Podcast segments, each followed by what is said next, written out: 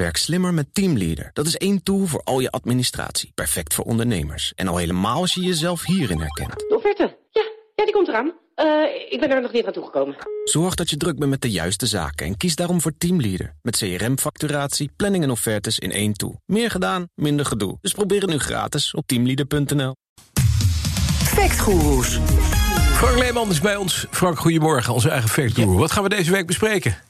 Nou, uh, afgelopen zondag was er bij Op1 het duo Wieberen van Hagen en Thierry Baudet. Uh, een aflevering waar, van Op1 waar veel ophef over was in de media gisteren. Mm -hmm. En ik had ook een paar dat ik hun een paar dingen hoorde zeggen. Dat ik denk, nou, die heb ik snel zo vaak horen zeggen. Nou moeten we er toch maar even naar kijken.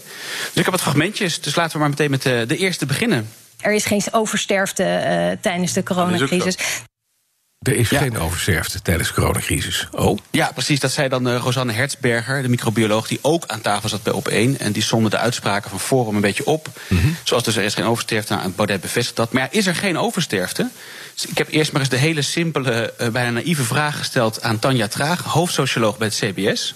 Ja, er is absoluut sprake van oversterfte in 2020. Als je even het hele jaar bekijkt, voor zover we dat nu weten... want week 53 is nog compleet... Dus tot en met week 52, eh, dan, dan zien we dat, uh, dat er 167.000 mensen voor overleden ongeveer. Terwijl je zou verwachten in die periode voor iets meer dan 153.000 mensen zouden overlijden. Um, dus dat is een fors verschil. Dat is een, groter verschil dan dat je de afgelopen jaren hebt gezien. Dus het is niet reëel om te zeggen er is geen oversterfte, want die is er absoluut. Zo. Dat is eenduidig, lijkt me Frank. Maar bij Forum voor Democratie hebben ze een hele gedachtegang bij... en zelfs een persbericht rondgestuurd... waarom dit echt geen oversterfte is. Wat zeggen zij dan? Wat, wat, wat voor argumenten gebruiken ze? Ja, ze hebben een hele redenering. Ze zeggen ja, maar de bevolking vergrijst. Dus je krijgt sowieso elk jaar bijna 1100 uh, meer sterfte. Ja? En 2019 was een jaar met minder sterfgevallen. Dus als je dan 20 met 19 vergelijkt, krijg je een groter verschil dan normaal. Dus je moet juist alle andere jaren vergelijken. Hm. Nou ja, en hun hele gedachtegang heb ik voorgelegd aan het CBS. De discussies rondom die berekeningen, die zijn eigenlijk precies de reden waarom het CBS het niet zo doet zoals bijvoorbeeld in dit voorbeeld gedaan wordt. 2019 was inderdaad zo'n jaar waarin er relatief weinig sterfte was. En je hebt ook jaren waarin er relatief veel sterfte is. Dus we hebben voor nu, voor 2020, kijken we naar wat er tussen 2014 en 2019 gebeurde. En want dan heb je een periode waarin alles voorkwam. Dus dat gemiddelde nemen we. Maar we weten ook dat de bevolking die groeit, uh, de vergrijzing neemt toe. Maar vergeet niet dat die vergrijzing ook gepaard gaat met een hogere levensverwachting. Dus er zijn wel meer ouderen, maar die gaan allemaal wel iets uh, op latere leeftijd dood. Um, en er was ook bevolkingsgroei door migranten. Dat zijn juist relatief jonge mensen. Daar moet je iets mee en dat doen we ook. En dus kijken we naar dat gemiddelde over 2015 tot en met 2019. En dat corrigeren dan aan de hand van bevolkingsprognoses, omdat juist daar al die elementen in zitten. Ja, lang antwoord, maar ik dacht het is wel goed om het even helemaal uit te laten leggen. Ja, ze zijn dus niet gek bij het, bij het CBS en ze hebben uitgebreide hè, formules om dit te berekenen. En er is nog zo'n ander argument. Dan zegt uh, Forum zegt ja, het is elk jaar ten opzichte van de bevolking is het maar 0,85 procent. En dat is dit jaar weer zo. Dus waar hebben we het over?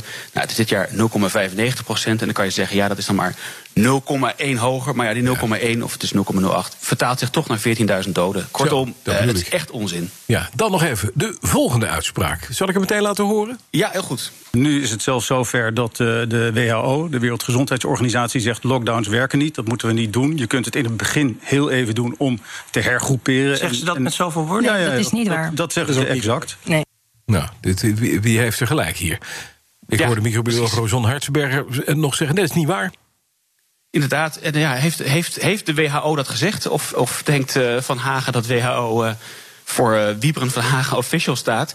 Um, ik heb contact gehad met, met Margaret Harris, de press officer van de WHO. En helaas moest het via de e-mail, maar dat maakt de inhoud niet anders. En zij zegt hè, dat niet nu ineens de WHO zegt dat lockdowns niet werken. Nee, ze zegt vanaf het begin zeggen wij al fysieke maatregelen zoals afstands- en bewegingsbeperkingen, vaak shutdowns en lockdowns geheten kunnen de overdracht van COVID-19 vertragen door het contact tussen mensen ja. te beperken. Nou, het lijkt een beetje een inkopper. Ja, maar er is nog een deel 2 van zijn uitspraak. Ja, dus die moeten toch even luisteren voor ja. de nuance. Ze zeggen, luister, een lockdown is niet het geëigende middel... om uh, de verspreiding van het virus tegen te houden. Maar wat is dat het nee, alternatief? Nee, dat, dat, dat, dat, zeggen ze precies. En dan zeggen ze, in die tussentijd, als je een korte, strenge lockdown doet... dan moet je uh, gaan hergroeperen en dan moet je gaan voorbereiden. Hm.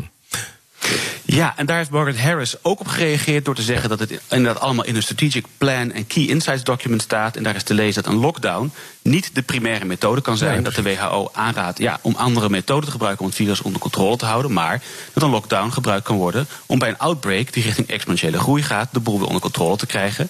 Maar dat er tijdens die lockdown diepgaande negatieve gevolgen zijn voor de mens en de economie. En dat er voor landen die lockdowns hebben een dringende noodzaak is om te plannen voor een gefaseerde overgang de lockdown uit. En dat zonder die planning en zonder schaalvergroting van de capaciteiten van de zorg. het opheffen van een lockdown waarschijnlijk zal leiden tot een ongecontroleerde heropleving van besmettingen en een versterkte nieuwe golf. Hm. Dus dat ja, klinkt ons denk ik wel bekend in de oren.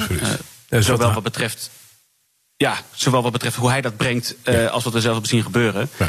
Maar goed, hij maakt het wel echt te bot door niet kloppend te zeggen dat de WHO-lockdowns niet nee, vindt Nee, precies. Dat is een ander verhaal. Dat eerste stuk. Nog een uitspraak heel kort over de het COVID Intensive Care schip. Er is een IC-schip, inclusief uh, verplegend personeel, met meer dan 450 bedden. Minister De Jonge doet er niks mee. Het is gewoon aangeboden. Okay. Er ligt een is al heel veel over gezegd over dit schip. ja. ja. ja. Uh, dus Van Hagen en, en, en Thierry Baudet beloofden al een paar keer in de Kamer... dat er een kant-en-klaar hospitaalschip is met 500 IC-bedden. Ja. Nou ja, dat ding, er is al heel veel over te lezen geweest. Het is een verbouwde veerboot, uh, wel een grote... met twee afdelingen van 31 bedden en 25 bedden. En die bedden zitten in hutten, met beperkte ruimte. Dus er zijn geen ventilatiemachines. Ze hebben wel zuurstof, maar je kan niet intuberen. Als een patiënt echt ziek wordt, dan moet hij dus naar het ziekenhuis. ziekenhuis precies. Kortom, uh, je hebt er niks aan. Nee, ja. Duidelijk, dankjewel. Ook doorgeprikt. En sorry, Frank Leeman, onze fact guru. Werk slimmer met Teamleader. Dat is één tool voor al je administratie. Perfect voor ondernemers. En al helemaal als je jezelf hierin herkent. De offerte. Ja, ja die komt eraan. Uh, ik ben er nog niet aan toegekomen. Zorg dat je druk bent met de juiste zaken en kies daarom voor Teamleader. Met CRM-facturatie, planning en offertes in één tool. Meer gedaan, minder gedoe. Dus probeer het nu gratis op teamleader.nl.